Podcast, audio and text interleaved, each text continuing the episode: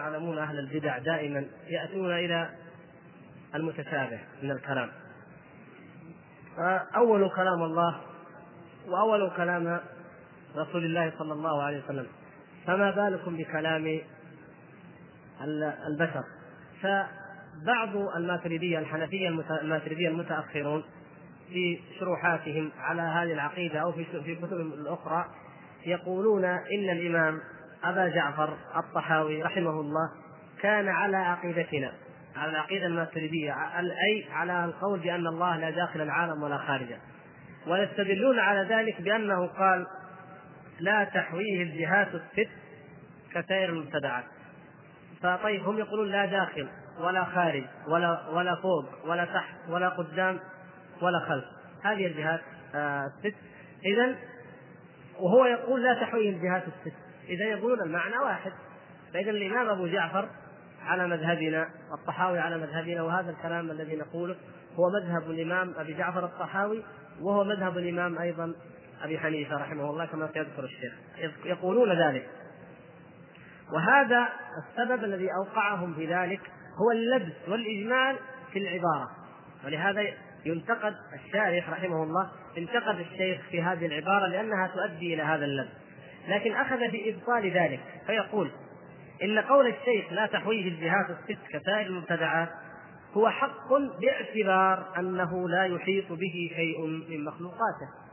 هذا هو مقصوده في هذا القصد لأن أنه تعالى لا تحيط به شيء من مخلوقاته بل هو محيط بكل شيء وفوقه. بل هو محيط بكل شيء وفوقه.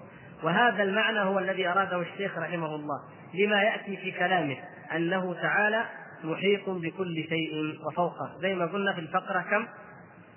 الواحدة الحادية والستين. يعني صفحة 251 يقول الشيخ وهو مستغن عن العرش وما دونه محيط بكل شيء وفوقه وقد أعجز عن عن الإحاطة خلقه. يقول طبعا فقرة 60 قبلها والعرش والكرسي حق. بعد ذلك ثلاث صفحات يقول وهو مستغن عن العرش وما دونه محيط بكل شيء وفوقه. وقد أعجز عن الإحاطة خلقه. أي هم تركوا هذا الكلام الذي في الفقرة الحادية والستين. وأخذوا فقط بقوله أنه إيه؟ بقوله ليس لا تحويه الجهات الست فقالوا إذا ننفي عنه أن نقول لا داخل العالم ولا خارجه ولا يمين ولا يسار ولا فوق ولا تحته أو ولا قدام ولا أمامه إلى آخره. فيقول الشيخ الشارح فإذا جمع بين كلاميه يعني في الفقرة هذه الخامسة والأربعين والفقرة الحادية والستين وهو قوله لا تحويه الجهات الست كسائر المبتدعات فقرة 45 وقوله محيط بكل شيء وفوق فقرة 61 إذا جمعنا بينهما. علم أن مراده علم أن مراد الشيخ أن الله تعالى لا يحويه شيء ولا يحيط به شيء كما يكون لغيره من المخلوقات وأنه تعالى هو المحيط بكل شيء العالي عن كل شيء. هذا واضح. ويوضحه ما ذكره في الأخير. أي بأن نقول ولا نظن بالشيخ رحمه الله أنه ممن يقول إن الله تعالى ليس داخل العالم ولا خارجه. الاستطراد في الفقرتين نأجلها لأن هذا الكلام مرتبط ببعض إذا لا نظن نحن ولا كل منصف أن الشيخ الإمام أبا جعفر الطحاوي رحمه الله ممن يقول إن الله تعالى ليس داخل العالم ولا خارجه بنفي التعيينين لأنه آه، هذا الإطلاق نفي التعيينين أو نفي النقيضين يقول العلماء علماء المنطق والفلسفة النقيضان لا يجتمعان ولا يرتفعان يعني لا يجتمعان معا ولكن لا يرتفعان معا. ما ما تقول لا داخل العالم ولا خارجه.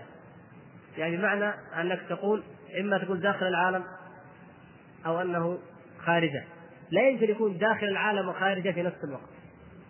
وأيضا لا يمكن أن تقول لا داخل ولا خارج فلا يجتمعان النقيضان لا يجتمعان معا يعني ولا يرتفعان معا لأنه ما هي الحالة الثالثة؟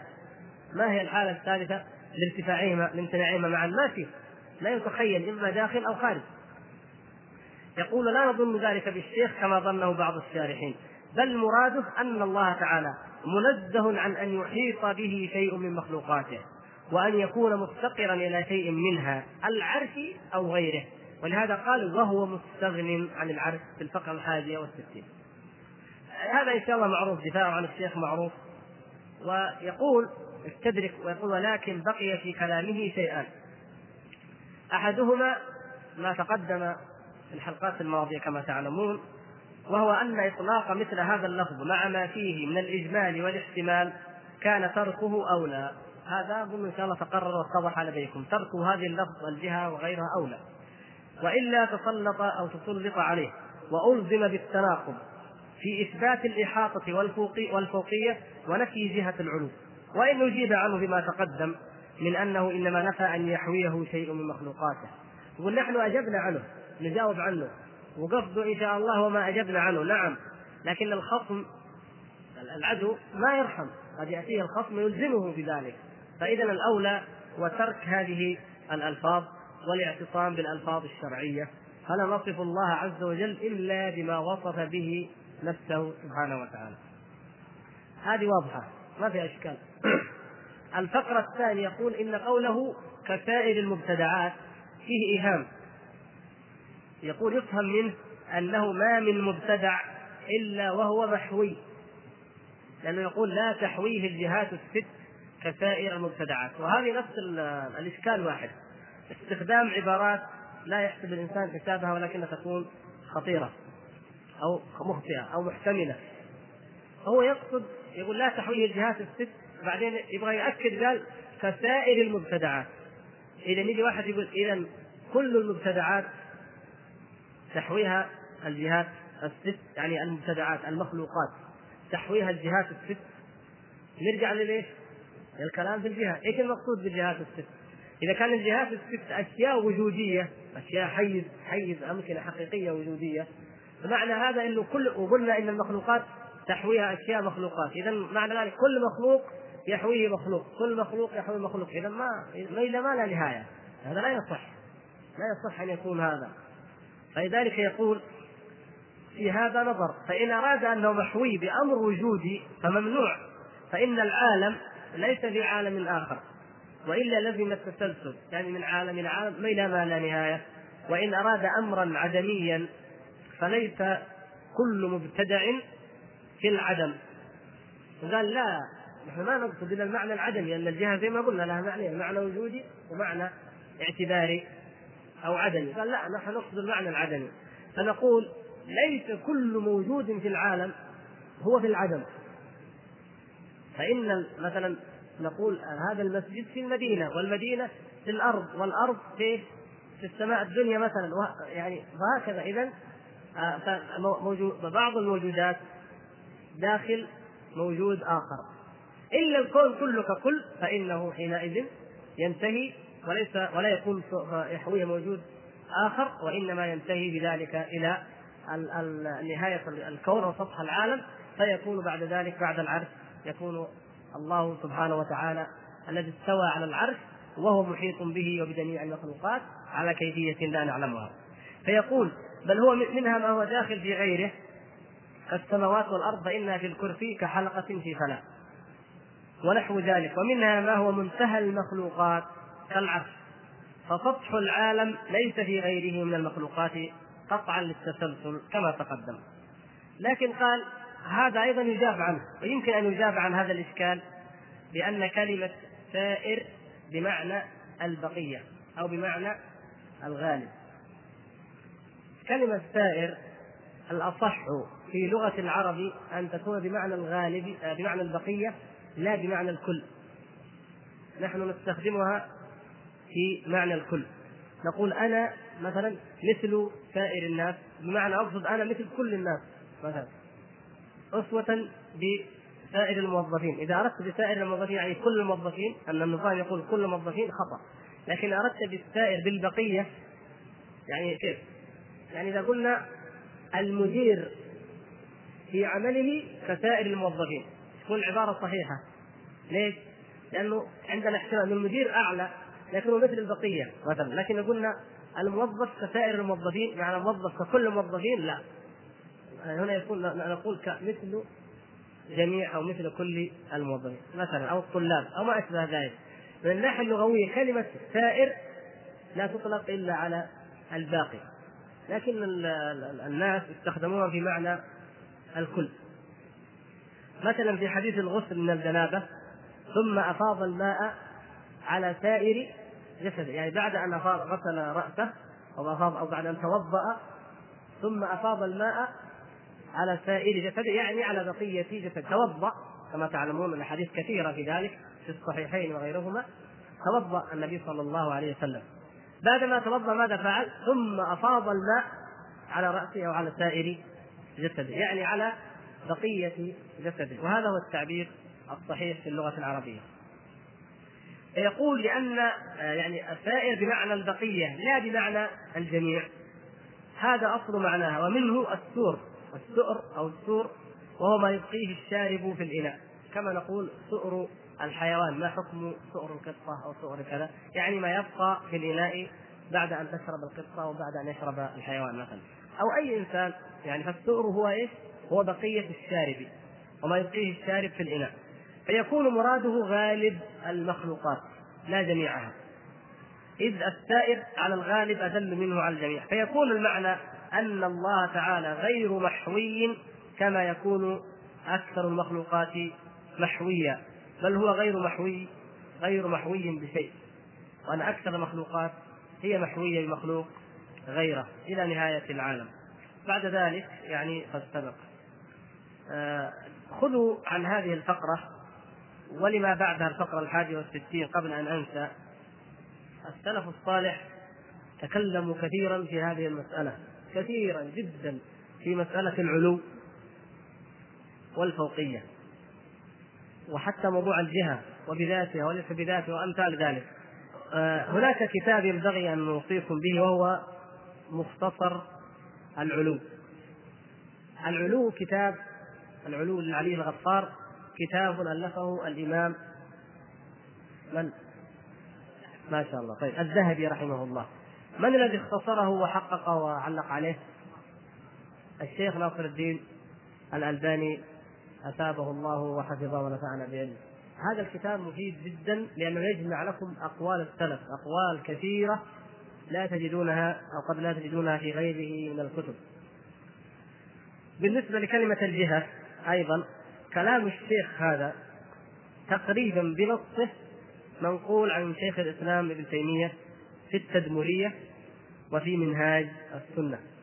الكلام هذا يمكن بالحرف. وأما لفظ الجهة فقد يراد به وقد لا يراد به إلى آخره. وهذا مما يبين لكم مثل ما أشرنا مرة في أول أو مرات أن شارح العقيدة الطحاوية يعتمد اعتمادا شبه كلي على كلام شيخ الإسلام ابن تيمية وابن القيم. وكذلك حافظ ابن كثير والذهبي لكن أكثر شيء ابن تيمية وابن القيم رحم الله الجميع. ولا يذكر وقلنا انه من شيء طيب أنه لا يذكر لا يحيل إليهما. نادر أن يذكرهما. يمكن ذكر ابن القيم قليلا ومرة كذا ولكن ابن تيمية رحمه الله ربما ولا مرة لأنه زي ما قلنا إذا جاء وألف الشيخ كتاب وقال قال شيخ الإسلام ابن تيمية قالوا الناس هذا تابع لابن تيمية. ينسبونه إليه حتى لو كان ما رجع إليه إلا في ذكر الفقر. هذا تيمي. زي ما يقال في هذا الزمن لأن أهل البدع ينبذون أهل السنة ويؤذونهم ويلقبونهم ويشنعون عليهم في كل زمان ومكان. كما يقال الآن وهابي. الآن وهابي. وما أكثر ما ثبت من قصص في هذا الشأن. أحد علماء أهل السنة والحديث في الهند لا أذكر اسمه الآن لكن أصله هذا العالم أصله على دين أو على مذهب الأشعري الذي يسمونه الديوبندي. فهذا العالم جاء كل جاء أحد من أهل الحديث أهل السنة يقول له عقيدة السلف الصالح ويقول هذا الشرك هذا القبور فيقول له لا. وهابية ما نبغى وهابية ما نبغى. أصبح كل كلمة وهابي عنده لا يريدها. فجاء الشيخ هذا التلميذ كان ذكي فأخذ كتاب التوحيد للشيخ محمد بن عبد الوهاب وأزال الغلاف. الذي عليه الاسم اسم المؤلف وأعطاه إياه. هذه ذكرها الشيخ علي الطنطاوي ذكر هذا الكلام في أحد ما أذكر هو كتاب رجال من التاريخ أظن أو شيء من هذا. المهم ذكرها الشيخ وغيره نقلها يعني أظن الندوي أيضا ما أدري. المهم إنه أنها مشهورة القصة. أخذ وأزال الغلاف وقال يا شيخ أنا لقيت كتاب هنا. ما أدري إيش رأيك فيه؟ كأنه مؤلفه مجهول ما أدري. قال وريني أشوف قرأ. باب فضل التوحيد وما كفر من الذنوب وقول الله عز وجل قال الله تعالى قال رسول الله صلى الله عليه وسلم فيه مسائل ثلاث أربع مسائل خمسة ما في شيء. الباب الثاني الثالث الرابع كمل ما في شيء. قال والله كتاب طيب ومفيد واضح قال بس الكلام اللي فيه يعني قال لا لا ابدا ما في أي آيات وحديث وحق. قال يا شيخ هذا هو كتاب التوحيد الذي الفه محمد بن عبد الوهاب. هذه هي الوهابية. اللي انت تخاف منها. وهذا هو. والحمد لله ان الله سبحانه وتعالى نور قلب الشيخ واهتدى بعد ذلك. المقصود أنه يعني مجرد لو قال ابن تيمية خلاص. زي ما قال أحدهم قال آه يعني أحد الإخوان طلاب العلم ذهب في إحدى الدول خرج من الجامعة الإسلامية وذهب يعلم الناس في المسجد عقيدة صحيحة. وأخذ يشرح لهم مسألة العلو يقول لما جيت أشرح لهم وإذا واحد من الناس الكبار السن وهذا يقوم يقول إيش؟ هذا وهابي هذا يعنيكم وهابيه يقول قلت له الله يهديك يا شيخ. أتركنا من وهابي وما وهابي. أنا هذا الكلام من كتاب الله ومن سنة رسوله صلى الله عليه وسلم. قالوا قمت أخذت صحيح البخاري كان في المسجد وقلت له يلا أنا أقرأ لكم صحيح البخاري. قال هو البخاري وهابي. إيه، كيف أنا هذا الكلام؟ كيف اقنعه؟ يعني يقول الشافعي يقول ناظرني ناظرت عالما فغلبت ناظرت جاهلا فغلبني فهذا كيف تبين له ان البخاري ما هو هذا؟ قال حتى البخاري وهذا المقصود إيش؟ إنه يعني أهل البدع يتخذون موقف معين من من أهل السنة بناء على شيء معين فالشيخ هنا ما يقول قال شيخ الإسلام ابن تيمية حتى وهو ينقل أحيانا حرفيا هذا الموضع تجدون من هذه السنة الجزء الأول صفحة 250 زيادة في الإيضاح يعني والرجوع الجزء الأول صفحة 250 وفي التدمرية صفحة 45 نفس الكلام هذا. أيوه نكمل يا محمد. نكمل إن شاء الله يمكن. تفضل.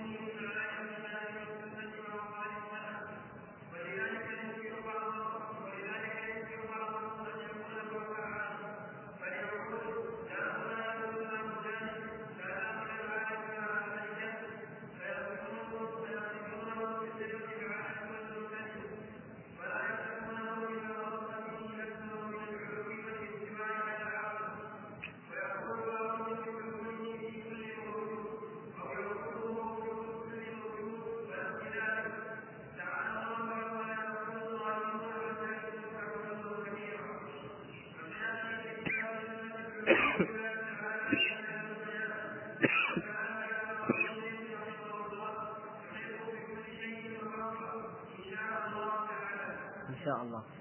يقول و في ثبوت هذا الكلام عن الإمام أبي حنيفة رضي الله عنه نظر فإن أضداده قد شنعوا عليه بأشياء أهون منه.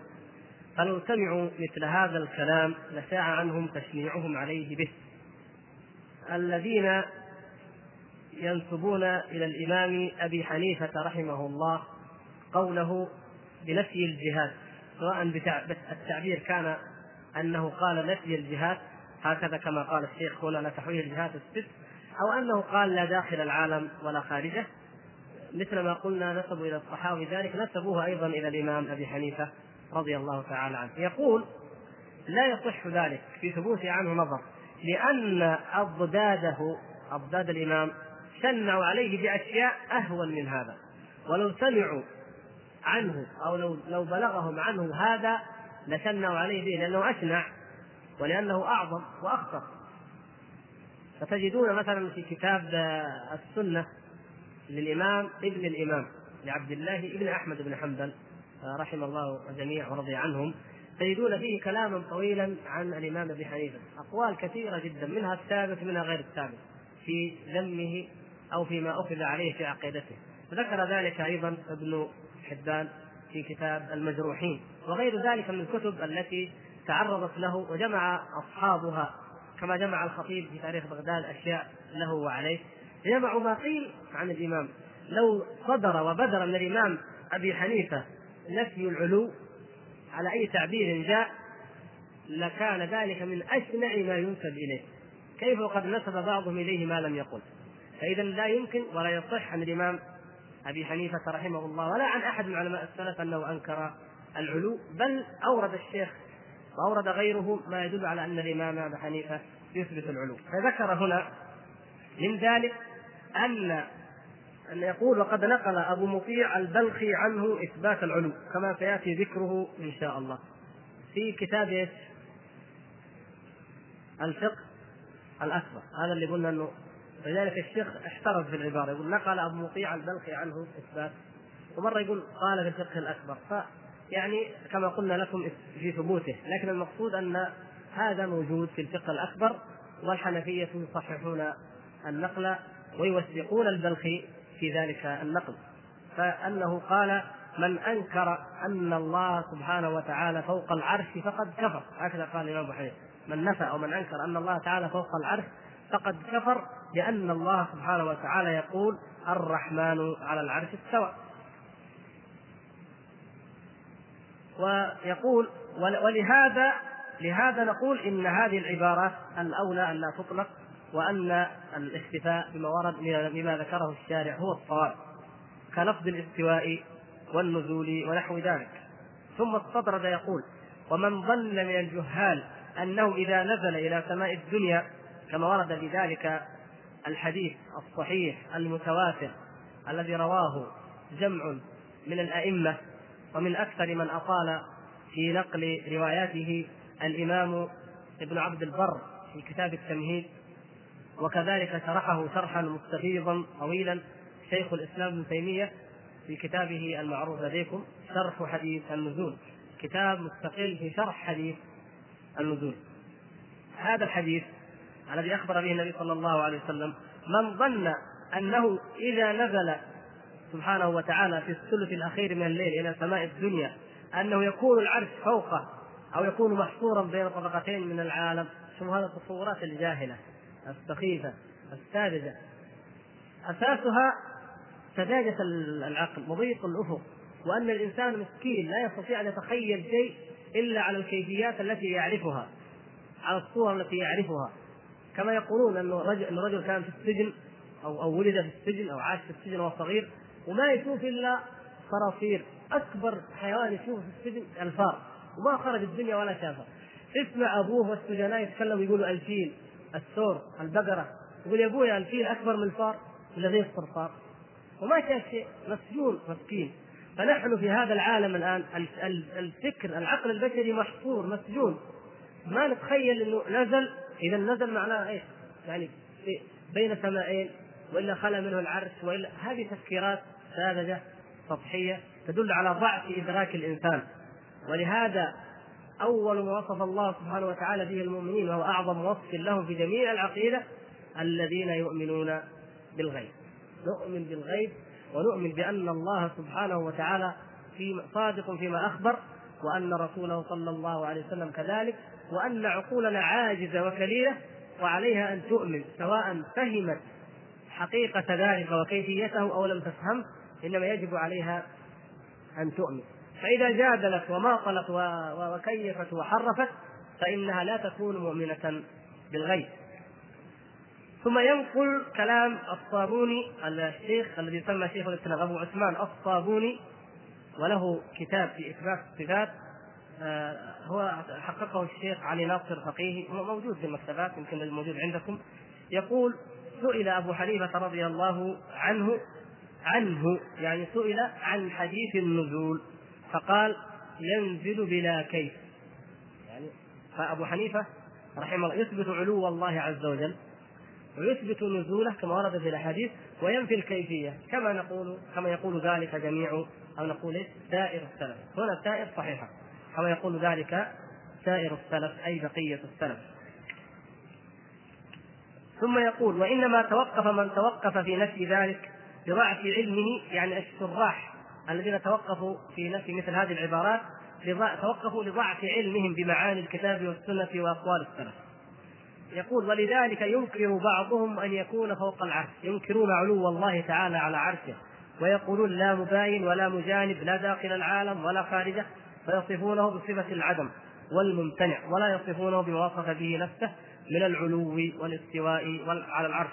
ويقول بعضهم بحلوله في كل موجود أو يقول هو وجود كل موجود ونحو ذلك. المقصود أشار إلى أنه سيأتي تفصيل ذلك إن شاء الله تعالى في الفقرة الحادية والستين. لكن هنا أشار إلى الرد على الذين أولوا كلام السلف أو نسبوا إليهم ما لم يقولوه في بخصوص هذه هذه القضية. وأنا هنا احيلكم إلى مرجع آه، سهل وميسور ومبسط جدا إن شاء الله في مسألة العلو والاستواء وهو كلام الشيخ شيخنا الشيخ محمد الأمين الشنقيطي رحمة الله عليه في كتاب أضواء البيان. عند قول الله تبارك وتعالى في سورة الأعراف ثم استوى على العرش تكلم بكلام رائع وعظيم ومفهوم واضح جدا. أضيفوه إلى إلى ما سبق ان قلنا وهو كتاب؟ مختصر مختصر العلو هذه السنة هذا كلمة الجهة بالذات. لكن في العلو عموما تقرؤون ما كتبه الشيخ الأمين الشنقيطي رحمة الله عليه في أضواء البيان من إثبات لعلو الله علو الله تعالى وصفاته ورد فيها على المتكلمين الذين قسموا صفاته إلى إضافية ونفسية وسلبية ومعنوية ومعاني إلى آخره. يعني هو مبسط جدا لو قرأه الإنسان إن شاء الله يستطيع أن يستوعبه ويستوعب شبهات المخالفين ولماذا خالفوا. وله كلام آخر في الصفات عظيم يعني جدير بأن يجمع أو أن يخرج ويطبع. ويبقى عندنا فقرة هنا. أشرنا في الحلقة الماضية إلى أن المذاهب ثلاثة. يمكن تجيبون عليها إن شاء الله لو سألناكم. في في قضية العلو. مذهب أهل السنة والجماعة والسلف الصالح وهو إيش؟ إثبات علو الله واستوائه وكل ما ورد في الكتاب والسنة. الثاني مذهب المتكلمين والعقليين عموما وهو أيوه نفي جميع التعيينات لا داخل ولا خارج إلى آخره. المذهب الثالث ما هو؟ هذا الذي أشار إليه هنا الصوفية الحلولية والاتحادية الروحانية عموما الذين ينظرون نظرات يعني هؤلاء عقليين يعتمدون على العقل كما يزعمون وهؤلاء يعتمدون على الكشف والخيال والخرق وما أشبه ذلك. هؤلاء يقول هو في كل مكان. وحتى نعرف يا إخوان خطر البدع وتسلسل بعضها من بعض أول ما يبدأ الواحد ينكر علو الله عز وجل ويقول لا داخل ولا خارج. إذا أقر بذلك ودرسوه وفهموه وقرأوه واستوعبوه يجي الحلول ويقول ما دام قلت لا داخل ولا خارج ليس هو إلا هذا الكون، يعني هذا الكون هو مظهر وتجليات لله. فاخيرا ينتهي به الأمر أن يقول إن الله هو هذا الكون وإن الله حال في هذا الكون، يعني إما اتحادي يقول اتحد بهذا الكون أو وحدة الوجود يقول ما في الوجود إلا هو، كما يقول ابن عربي عياذا بالله، كما يقول آه، في تفسير قوله تعالى الرحمن على العرش استوى، يقول ابن عربي على أي شيء استوى؟ وما في الوجود إلا هو. فهو المستوي وهو المستوى عليه والعياذ بالله. انظروا كيف البدع. يعني نحن نقول آه، ويقول معنا معنا الأشعرية والمعتزلة وأمثالهم إن من قال إن الله تعالى هو عين هذه الموجودات فهو كافر خارج من الملة. متفقين على ذلك. لكن من الذي يمهد له الطريق لهذا الكفر؟ هو من يقول منهم هم أهل البدع الذين يقولون إنه في كل مكان أو إنه لا داخل العالم ولا خارج. مبدئيا تقبل. بعد ذلك يقول ما دام في كل مكان اذا هو هذه الموجودات فيكون قبول ذلك اسهل لكن المؤمن الذي يقرأ كتاب الله ويقرأ سنة رسول الله صلى الله عليه وسلم هو الذي يعرف ربه حق المعرفة لأنه يقرأ سبعه مواضع في كتاب الله عز وجل في خصوص الاستواء. ثم استوى على العرش. الرحمن على العرش استوى. سبعة مواضع في إثبات الاستواء. وما بالك بالعلو؟ العلو لا تحصى. لأن زي ما قلنا المرة الماضية إن شاء الله تذكروا هذه الأشياء. العلو ثابت بإيش؟ بالآيات. وين؟ والحديث. وين؟ والإجماع. وين؟ والفطرة. والعقل. يعني العلو ما ما يعني كامل جهل لكن الاستواء بالذات ثابت بإيش؟ بالنص. يعني بالايات والأحاديث. لو ما جاءنا شيء في ذلك ما ندري استوى ولا ما استوى في عرش ما في عرش ما ندري. لكن نعرف أنه عال على المخلوقات حتى من غير النص حتى قبل أن يرد النص. العرب في الجاهلية عنتر عنتر الشاعر هذا مشهور يا عبد أين من المنية مهربي؟ إن كان ربي في السماء قضاها. يعني يثبت العلو ويثبت القدر. انظروا كيف الذين ينفون العلو وينفون القدر. خالفوا حتى المعاني الجاهلية وكذلك أمية بن الصلت وغير ذلك كثير. فإثبات العلو ثابت بالعقول والفطر وإثبات الاستواء ثابت بالنص وكل منهما يؤيد الآخر. وبذلك نكون قد انتهينا من هذا المبحث ونبدأ إن شاء الله عز وجل اعتبارا من الحلقة القادمة في مبحث المغيبات. نسأل الله يتقبل منا ومنكم. إنه سميع مجيب. والحمد لله رب العالمين. نعوذ بالله. يعني دليل على أن هذه الأمة قد مسخت إنسان ويسأل عن صديق له فعل هذا قبل سنوات ثم تاب أو يريد أن يتوب. نعم يتوب. يجب أن يتوب. وباب التوبة مفتوح. لكن دعونا الآن من هذا الرجل. نسأل أنفسنا نحن نحن الأمة المسلمة كيف يقع أمثال هذه الجريمة في بلادنا وفينا؟ فعل ذلك عن جهل حتى لو عن صغر سن حتى لو كذا لا يمكن أن يفسر هذا أن يقع لا يمكن أن يقع في مجتمع سليم ابدا. إلا في بيئة إما الوالدين أو الجيران أو من حولهم أو المجتمع ككل بيئة ممسوخه مسخت تماما. نعم يقع الزنا يقع لكن مع ذوات المحارم شيء لا يمكن ابدا. عند إنسان مسلم أو في بيئة مسلمة يتصور. المجوس يفعلون ذلك المسلمون. أمة الإسلام تفعل ذلك؟ لا.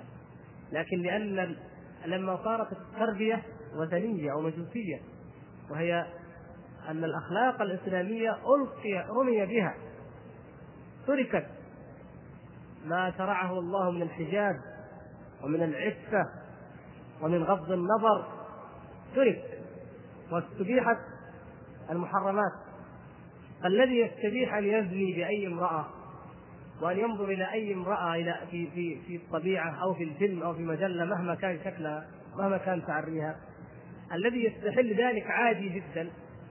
لا يستغرب أن ابنه يفعل في ذات المحرم. نسأل الله ان يعافينا واياه هذا شيء نذير سوء ونذير شؤم إذا نحن بقينا على هذا الوضع وعلى هذا الحال. وأنا أعجبني مقال امس نشر في جريدة المدينة يمكن قرأتموه. أظن عدد امس نعم.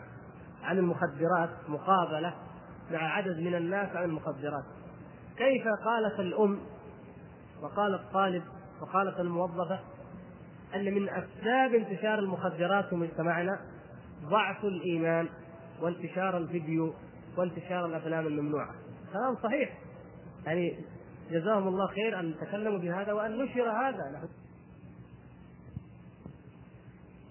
بواسطة وبغير واسطة.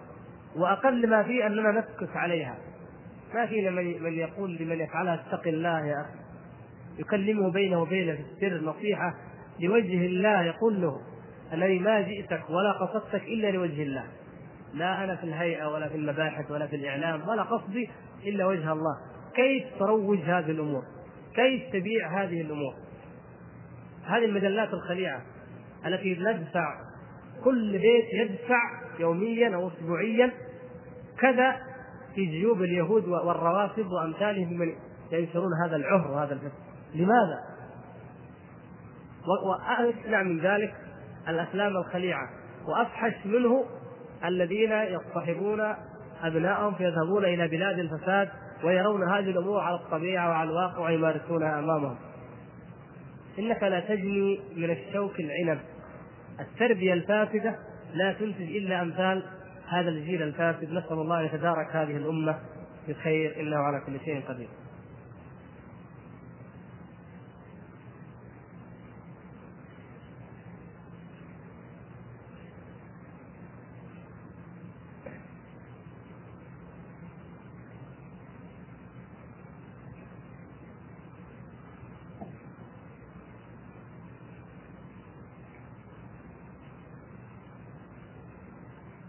ما نريد نتحول الموضوع كله عن الكهان والسحر لكن الله المستعان يقول الأخ سمعت عن ندوة يوم الخميس القادم تقام في جدة وتكون من بعد صلاة الفجر وصلاة العشاء في نفس اليوم فكيف ذلك؟ هل هي فترات منقطعة أم هي متواصلة؟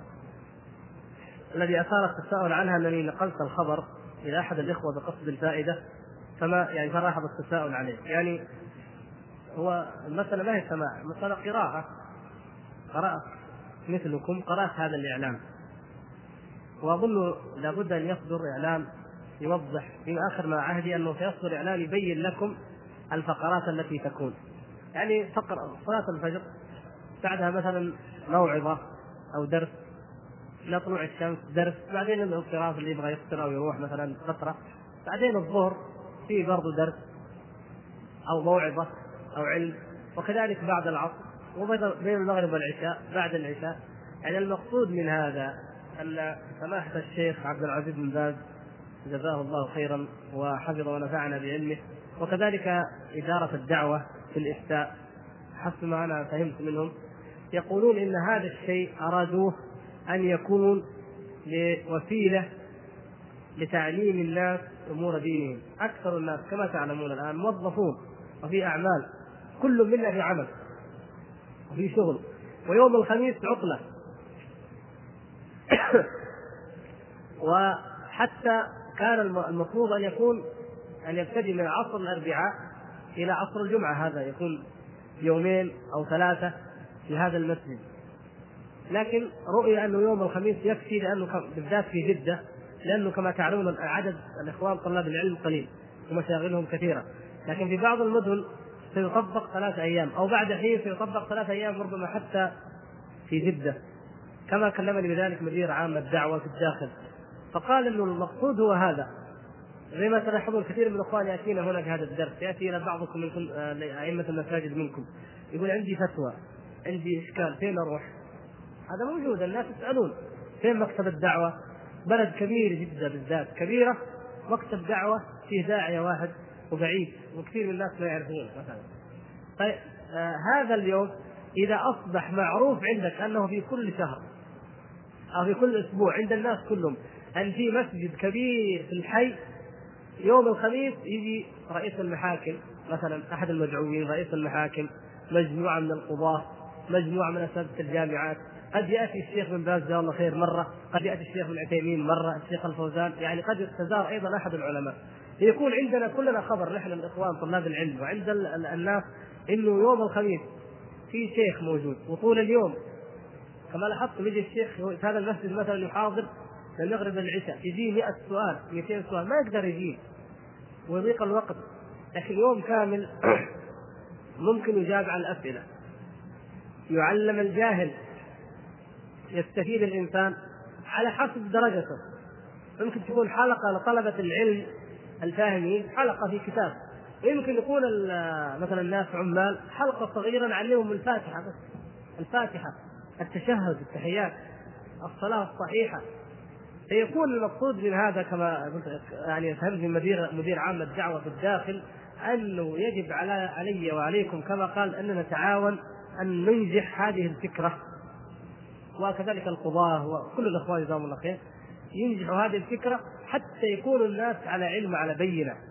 مثل هؤلاء الدجالين مثل كثير من العوام يوقع في واحد يسأل سؤال يعني بعض الناس يجيني يقول لي حصل لي كذا كذا. واستفتيت واحد اجاب جواب غريب جدا. يعني ما ما يكاد العقل يصدقه. ما هو قضية خلاف. ما هو يعني قضية راجح ومرجوح. جاب له جواب لا لا لا يتصور في إنه على أي دين على أي مذهب. إيش در الناس؟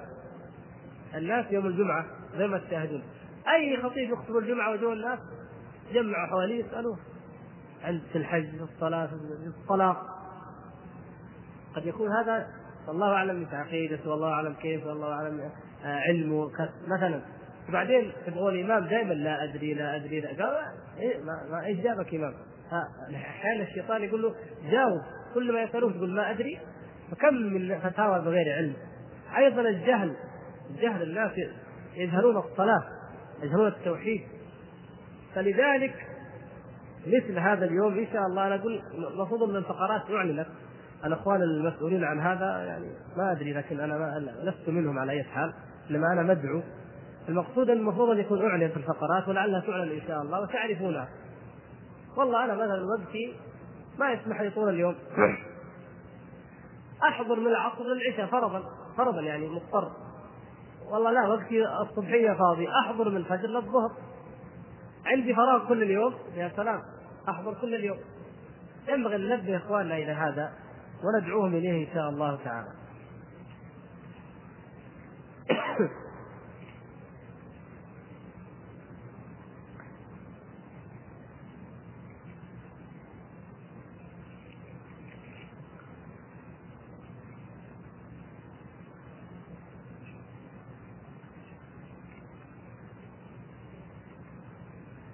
اخ يقول أنوي إن شاء الله الجهاد في أفغانستان ولكن أجد معارضة من والدي وزوجتي ولي طفلين وأخوين إحداهما أكبر مني سنا وعلي دين حوالي 15 ألف ريال.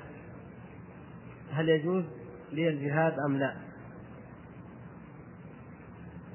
هذا الإنسان له جواب طويل وله جواب قصير لكن نعطيه الجواب القصير الآن أنه لا يجوز. ما دام ما رضي أبواه وما دام سيضيع أسرته وسيموت وعليه الدين. لأن الإنسان إذا كان الجهاد واجب عليه وذهب ونال الشهادة أو متعين وذهب ونال الشهادة فإنه يغفر للشهيد كل شيء إلا الدين. إلا الدين. فلا بد أن ننتبه ونهتم من هذا القضية. وأهم من ذلك أنه عدم رضا الوالدين في أمر ليس واجبا على مثله.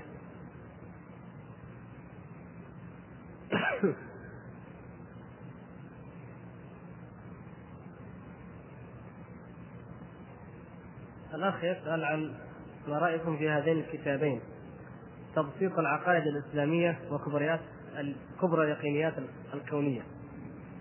كتاب تبسيط العقائد الإسلامية من تأليف الشيخ الفاضل المعروف لديكم جميعا الشيخ حسن أيوب وفيه ملاحظات ولكن الناس يختلفون. الناس ليسوا سواء.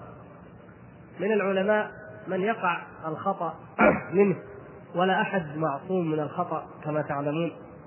ولكن إيمانه وتقواه وورعه لا يجعله يكذب أو لا يجعله يتمادى في الخطأ والباطل. والشيخ حسن وفقه الله وحفظ وبارك في علمه من الأوابين الحمد لله. وهو قال ما دام أن هناك ملاحظات في هذا الكتاب فقد منع أن يطبع الكتاب طبعة جديدة وكتب إلى رئاسة الإفتاء وأنا شخصيا بلغت أعطيتهم الكتاب وما كتب بأنهم يلاحظوا عليه ويصححوه ويصدروا إذن بطبعه أو يطبعوه على حسابهم وينشروه. وهذا مما يحتسب له عند الله ومما زاده عند العلماء وعند المشايخ جميعا مما زاد الشيخ حسن عندهم آه، تقديرا ومكانة. وهذا هو الظن بمثله ومن كان على مثل آه، درجته مما من التقوى ومن الفضل كما نحسبه والله حسيبه فلذلك هو صاحبه يقول الآن لا يقرأ حتى يصحح.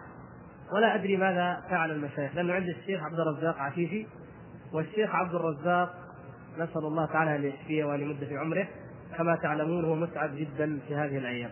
ولا أدري هل أنهى الكتاب أو لا. لكن هذا الشيء أنا اطلعت عليه ورأيته.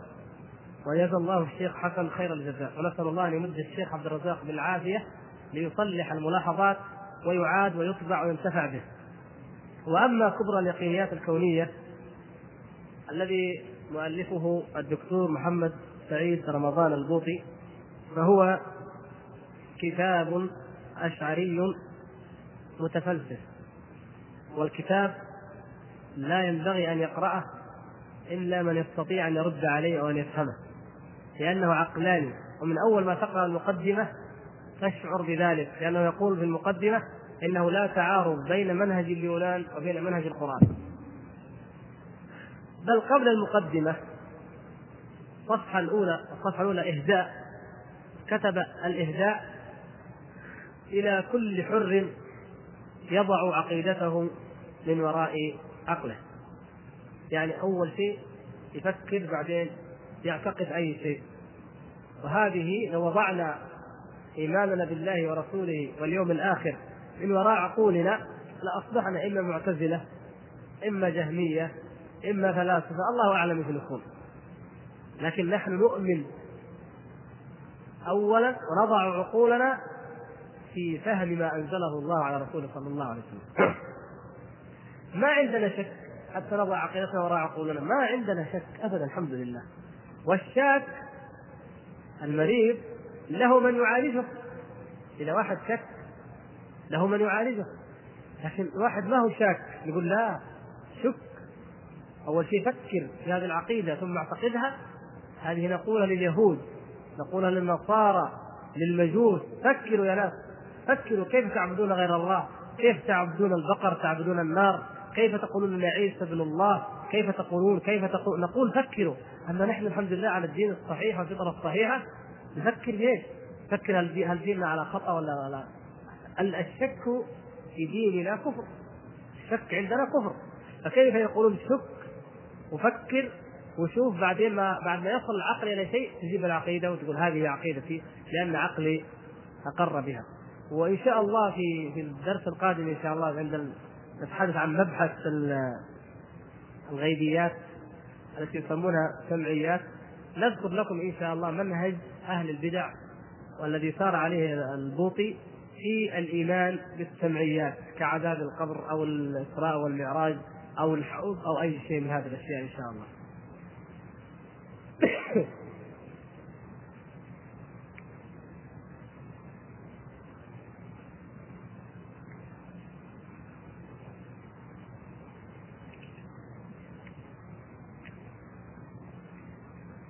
أخ يقول في بعض الفرق يكون عندهم حركة وأسلوب في الدعوة. ونجد أثر كبير يؤثرون على الناس. فما بال حالنا نحن؟ ما هو السبب عن آه، في يعني تثاقل الشباب عن عن الدعوة رغم أنهم هم على السنة الصحيحة؟ أنا أنا أسأل أيضا. أنا معك. نحن نسأل فعلا. لماذا يكون أهل البدع حريصين على بدعهم؟ وينشرونها بدأب وجد ويتثاقل أهل السنة. فقد شكى ذلك قبلنا عمر بن الخطاب رضي الله تعالى عنه. فقال أشكو إلى الله جلد المنافق وعجز المؤمن. يجد منافق جلد ويجد مؤمن ضعيف. إن ولينا المنافق منافق قوي يصلح لقيادة الجيوش أو للأمارة أو لشيء لكنه منافق. وإن ولينا المؤمن ضعيف لا ينتج ما يعمل. مشكلة هذه. ولكن يجب أن نذكر أنفسنا دائما بواجب الدعوة واجب طلب العلم وأن نضع في اعتبارنا أن هذا ليس معيارا أن مجرد النشاط ليس معيارا يا إخوان. لا تجعلوا نشاط الإنسان وجهده ودأبه مقياس لصحة عقيدته أو دعوته. المقياس هو كتاب الله وسنة رسوله صلى الله عليه وسلم. عبد الله بن عباس رضي الله تعالى عنه وكنت ما من يواهم سئل لماذا يوسوس المسلمون في الصلاة؟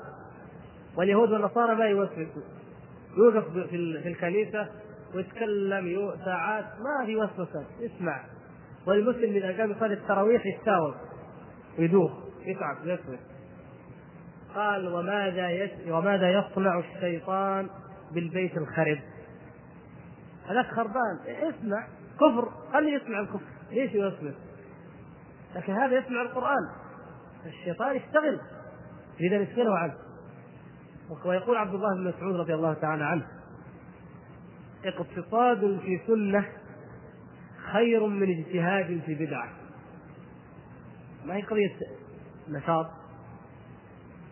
الشيطان يجي للمؤمن يثبط ولكن صاحب البدعة يحمسه ويدفه لأنه ينشر الشر يعينه.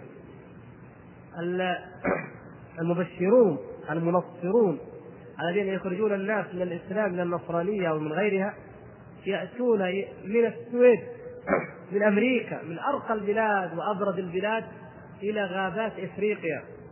ويعيشون 30 40 سنة في الغابات. حتى أنهم مثل فريزر وأمثاله تعلموا لغة البدائيين وصاروا يتكلمون بها وألفوا كتب عن عاداتهم وأديانهم وطبائعهم وكل شيء. فهل يقال إن التنصير طيب؟ ما دام في جهود. طيب ونستغفر الله العظيم لنا ولكم والحمد لله رب العالمين.